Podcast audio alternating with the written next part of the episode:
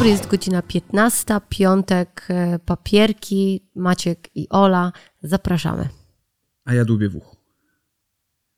O, podłubane.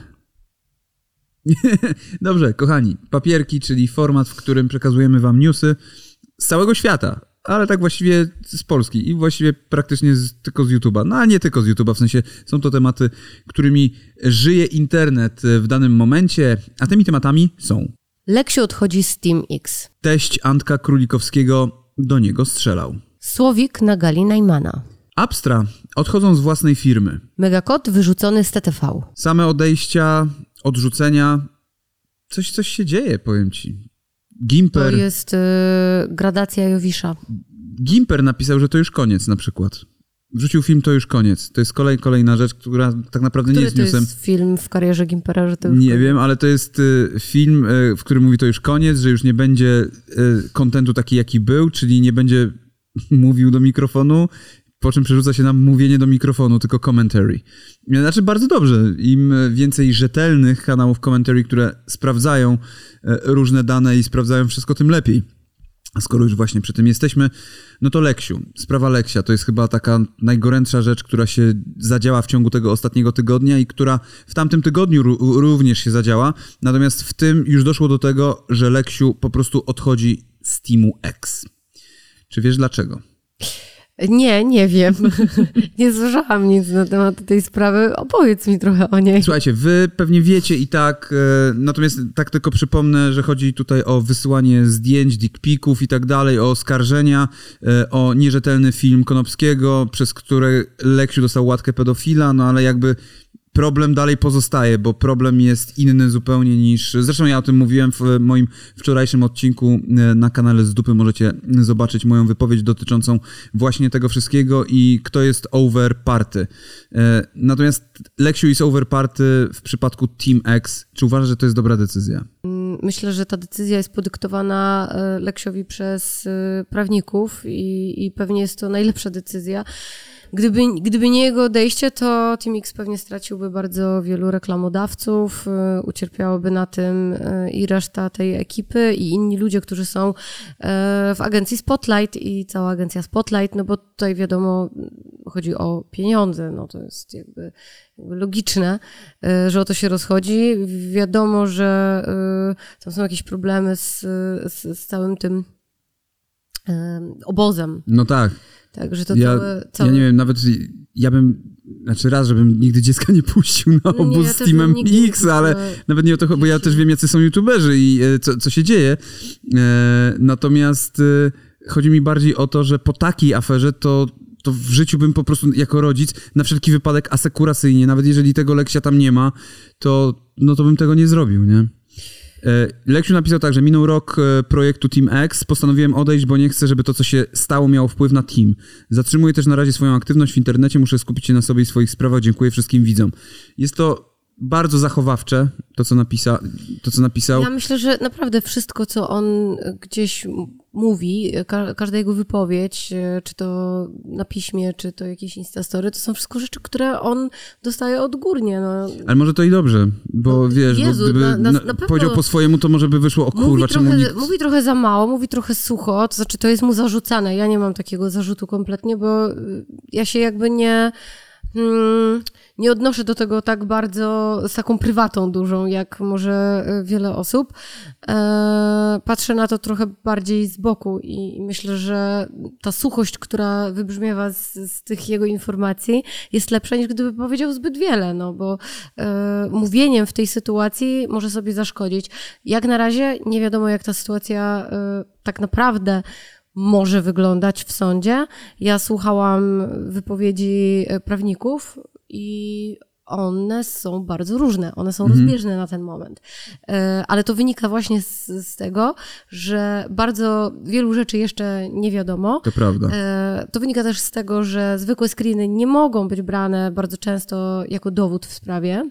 Tym bardziej, jeżeli te screeny posiada ktoś, kto nie jest jakby właścicielem tych screenów, jakby, w sensie tak, że chodzi mi o w to... ogóle screeny muszą być potwierdzone, yy, po, wszystko musi być potwierdzone. Muszą, screeny muszą być NFT po prostu i wtedy, i wtedy będą, Wtedy pod, wtedy będzie legitne. Wtedy okej. No w każdym razie to nie jest tak, tak proste, jak mogłoby się wydawać e, wszystko. Także no. No Dlatego się, że- takie rzeczy że- powinny że- trafiać że od razu na robi. policję. No tak, tak, takie rzeczy powinny trafiać do prokuratury. Y, Ja na miejscu agencji Spotlight i wszcząłbym sprawę po prostu y, z pewnych jakby względów. E, Natomiast w drugą stronę tak samo sprawa powinna gdzieś tam pójść.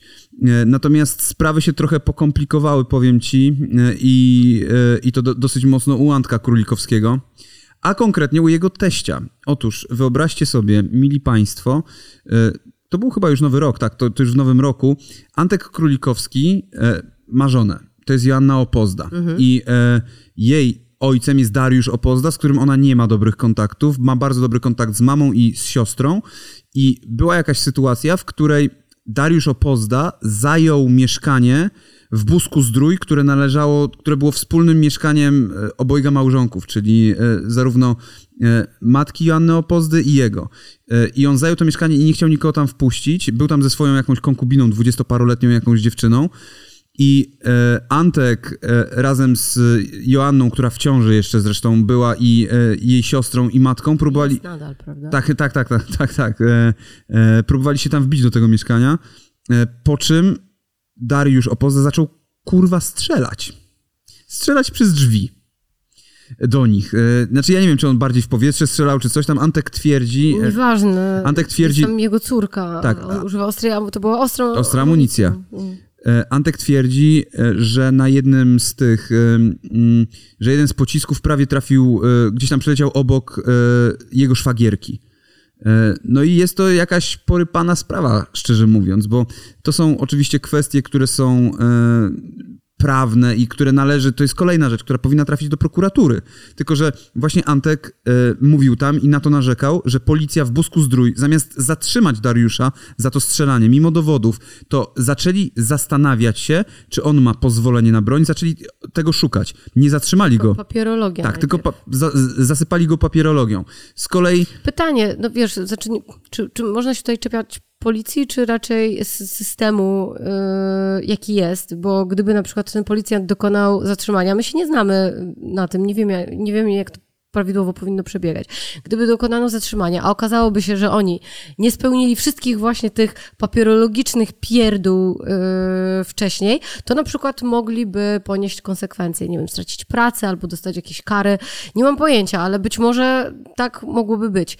Yy, więc wydaje mi się, że bardzo dużo system jest tutaj. Yy, w ogóle, wiesz co, z tym Dariuszem Inny. Opozdą, a propos systemu, Dariusz Opozda pozwał Antka Królikowskiego o, okej. i pozwał e, Jerzego Dziewulskiego. Tej- Za tę sytuację? Powiedział, że podejmie e, kroki prawne e, e, w stronę Jerzego Dziewulskiego, byłego antyterrorysty, który powiedział, że to jest niedorzeczne, co tam policja zrobiła i że powinni zrobić inaczej. I e, że Dariusz po, e, podejmie kroki prawne względem niego, a na razie pozwał Antka Królikowskiego. Policja wiadomo już, że się nie zachowała dobrze, tak? Tak. E, Okej. i, I w ogóle, wiesz co, to jest bardzo ciekawa postać ten Dariusz Opozda, bo to zaczęło się, gdzieś tam czytałem o tym, że to zaczęło się, kiedy on prawie umarł, przynajmniej on tak twierdzi, w jakimś afrykańskim kraju i nikt z rodziny nie chciał mu pomóc, nie, nie chciał mu przelać pieniędzy na leczenie. I, I w końcu mu przelali pieniądze po jakichś sabotażach i tak dalej, sabotażach, nie sabotażach, jak się, e, szantażach, Szantażach. E, ale że to są jego pieniądze. To, jak on się wypowiada, no to, to jest trochę kurwa krętactwo jakieś dosyć mocne, jak tak sobie, mm, jak tak sobie poczytałem jego różne wypowiedzi. No i kurwa, jednak jest to strzelanie przez drzwi do ludzi. E, Do córki.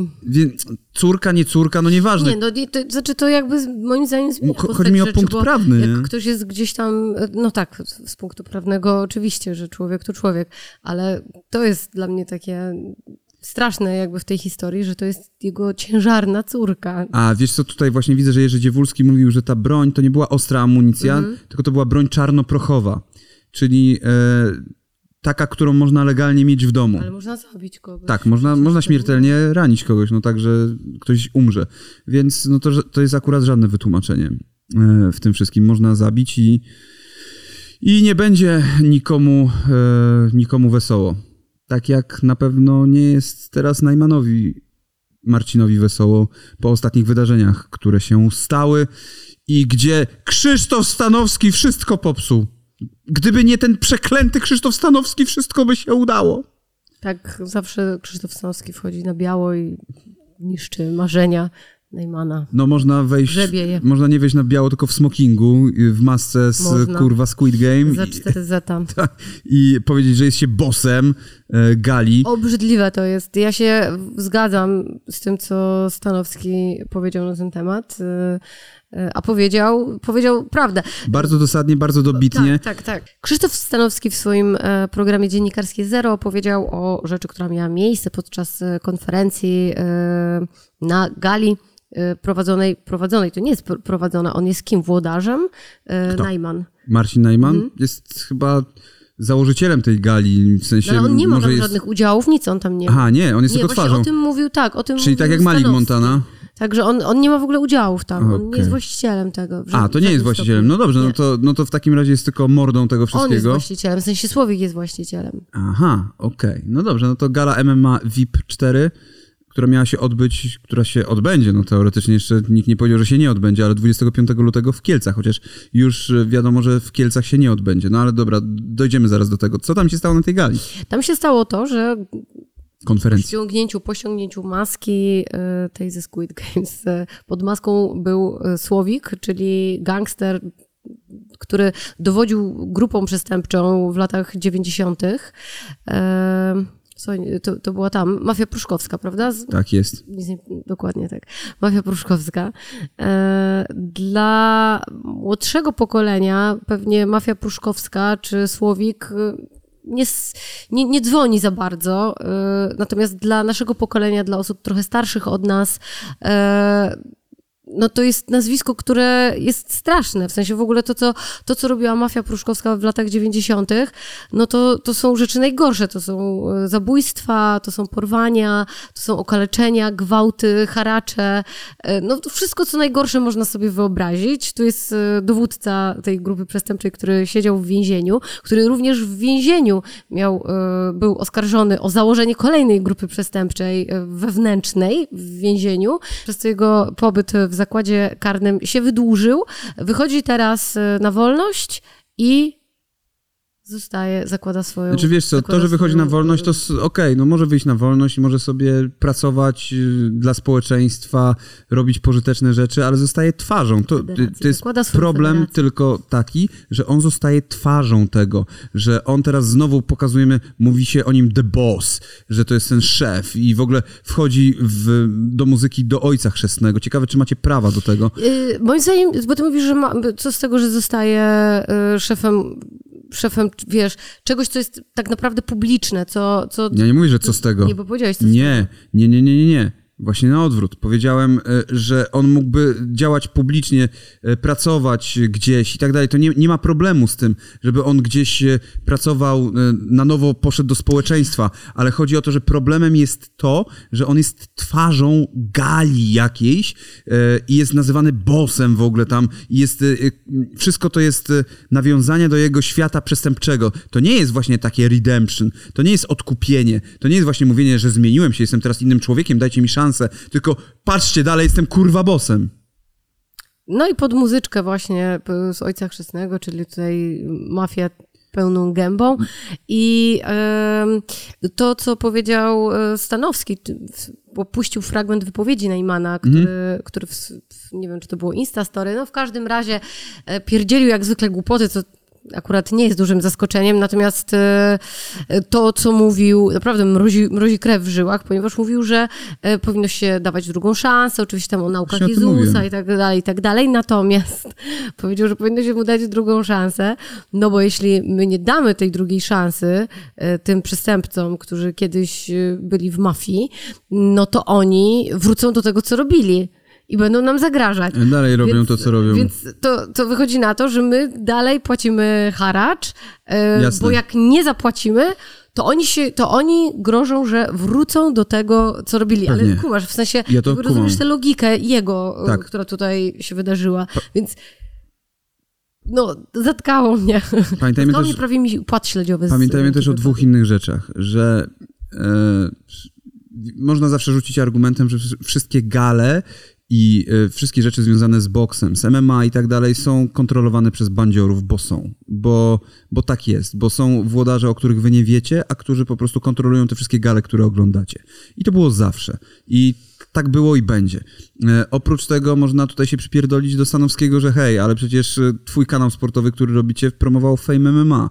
E, promuje Gromdę, gdzie też ma, są tam ludzie, którzy no, nie słyną z tego, że, znaczy nie wszyscy są zgodni z prawem. Jasne. Tylko tutaj chodzi o stawianie szefa mafii pruszkowskiej, gościa, który przez którego rozkazy zginęło tyle osób, jako tego najlepszego, najważniejszego, ostatecznego bossa.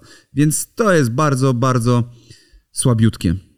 A jak już przy bossach jesteśmy, to bossowie odchodzą z Abstra. W sensie byli, byli bossowie, Byli założyciele. bossowie, ostateczni założyciele- bossowie. Tak, ostateczni założyciele, e, czyli Robert Pasut i Czarek Jóźwik, mm, ogłosili swoje odejście e, z Abstra.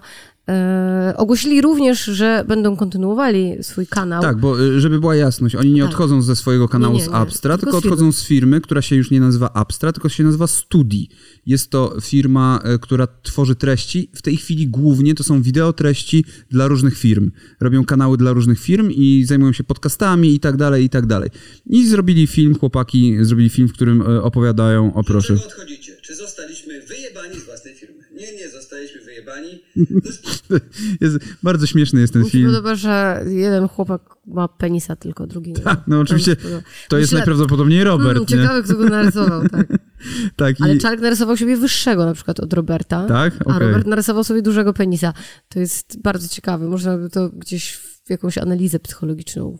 Tak, i e, opowiadają o tym w ogóle, jak to było z tymi e, kanałami, jak to było z tworzeniem nowych treści, jak to było z zarządzaniem i stwierdzili, że chcą się tylko na tym skupić, w tej chwili tylko na tworzeniu treści, że nie chcą mieć nic wspólnego z firmą.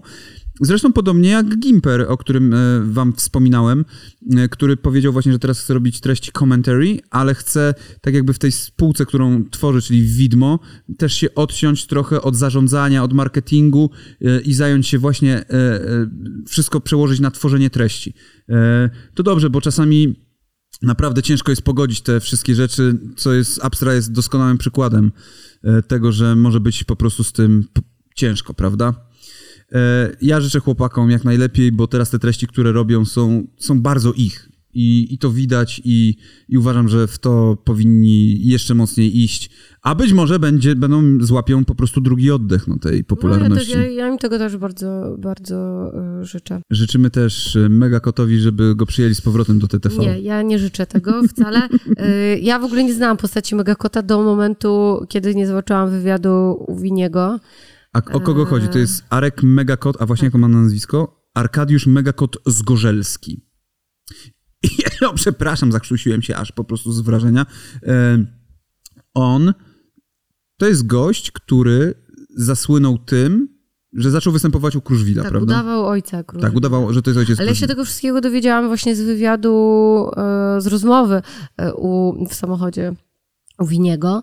E, Polecam w ogóle bardzo serdecznie kanał Winiego. Tam są bardzo dobre rozmowy, więc e, zapraszam. E, I właśnie jedna z takich rozmów miała miejsce z Megakotem i powiem, że to była jedna z bardziej takich rozmów, która pozostawiła mnie z takim Czemu?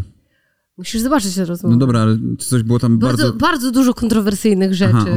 Bardzo Znaczy, dużo. w ogóle y, po zarzutach od Jana Śpiewaka, któremu powysyłali ludzie, bo to a propos było wszystko Stanowskiego, że y, czemu promowane są takie gale, czemu wszystko to jest promowane gdzieś tam przez różne portale, to doczepili się właśnie TTV, dlaczego promujecie gościa, który występuje w Królowach Życia, e, Królowych Życia, przepraszam, e, który ma 51 lat i który ma jakieś podejrzenia, gdzieś tam zaszłości związane z pedofilią chyba i, e, i że pochował cztery swoje partnerki. Tak, on pochował parę partnerek, w tym też y, pochował świnię, która przedawkowała narkotyki. Aha. Y, I w ogóle bardzo dużo różnych dziwnych sytuacji było w jego życiu, jak to opowiadał o tych dziewczynach. To było naprawdę bardzo dziwne. W ogóle opowiada bardzo dużo tam też w tej To rozmowie o dziewczynach. To jest naprawdę mocne. Z jedną z nich związał się jak miała 15 lat, albo i mniej w popularnych nagraniach na YouTube. Chwali się, że nazwał świnie imieniem po byłej dziewczynie, która popełniła samobójstwo. Dokładnie tak. Tych dziewczyn, które umierały tragicznie w młodym wieku po związkach z nim było aż cztery. Z tego, co udało nam się ustalić, wszystkie przed śmiercią miały poważny problem z narkotykami. Jak sam Megakot przyzna, policja sama podejrzewała go o zabójstwo jednej z nich. No dobrze, no i e, jakby to był moment, w którym, e, w którym stacja TTV powiedziała dość i znaczy tam w ogóle są chyba w tych królowych życia takie kobiety, które miały związek z różnymi gangsterskimi rzeczami, nie? Nie mam pojęcia. A ty nie oglądasz tego, okej. Bo- Dzisiaj zobaczyłam jeden odcinek, no bo chciałam zobaczyć, Okej. co on tam robi, w sensie jak wygląda jego postać, ale był tam przez chwilę i powiem szczerze, że nie byłam w stanie tego odcinka dociągnąć do końca. Nie, nie oglądam tego i myślę, że to się nie zmieni, bo no, to nie jest rozrywka. Nawet w tym guilty pleasure, które ja czasami, wiesz, potrafię sobie gdzieś zapodać, to nie, nie dla mnie. No, rozumiem, że dla kogoś może być, nie dla mnie kompletnie. Więc... Yy... No on tam jest y, przedsiębiorcą jakimś budowlanym? W sensie jest Tak, jest e, deweloperem, przedstawiony, deweloperem, tak, 51-letnim deweloperem, który jest fanem e, e, mody i motoryzacji. Tak jeździ tam Ferrari. Znaczy tak, jest fanem mody, to widać, bo jest po prostu teraz moda na fryzurę jak On czas Gracia. nosi taką fryzurę. Wiem przecież. E, no dobrze, to właściwie, a, no jeszcze jedna rzecz, e, która... A to jest tatamaty. To jest tatamaty, tak, tak, tak. Jest jeszcze jedna rzecz, którą chcieliśmy wam e, powiedzieć e, i która jest bardzo smutna. E, Zmarł raper Pius e, w wieku prawie 40 lat, właściwie 39. Pius, który był chory od wielu, wielu lat. E, To też dla mnie tak osobiście trochę mnie to dotknęło, bo znam, znałem się z nim, z Karolem 17 lat i to jest naprawdę postać, która bardzo walczyła e, z chorobą, którą miał, e, więc dla całej rodziny Karola, dla wszystkich jego bliskich, szczere naprawdę kondolencje. I tym smutnym akcentem chcielibyśmy zakończyć dzisiejszy odcinek papierków. Przypominamy o tym, że w każdy poniedziałek o godzinie 16 zapraszamy na papiery rozwodowe i w każdy piątek o godzinie 15 na papierki, czyli program e, informacyjny, program newsowy. Tak, a papiery rozwodowe będą o temacie, który chcieliście, żebyśmy poruszyli. E, Zresztą e, mówiliśmy o tym już jakiś czas temu, więc specjalnie dla Was. Do zobaczenia. Pa!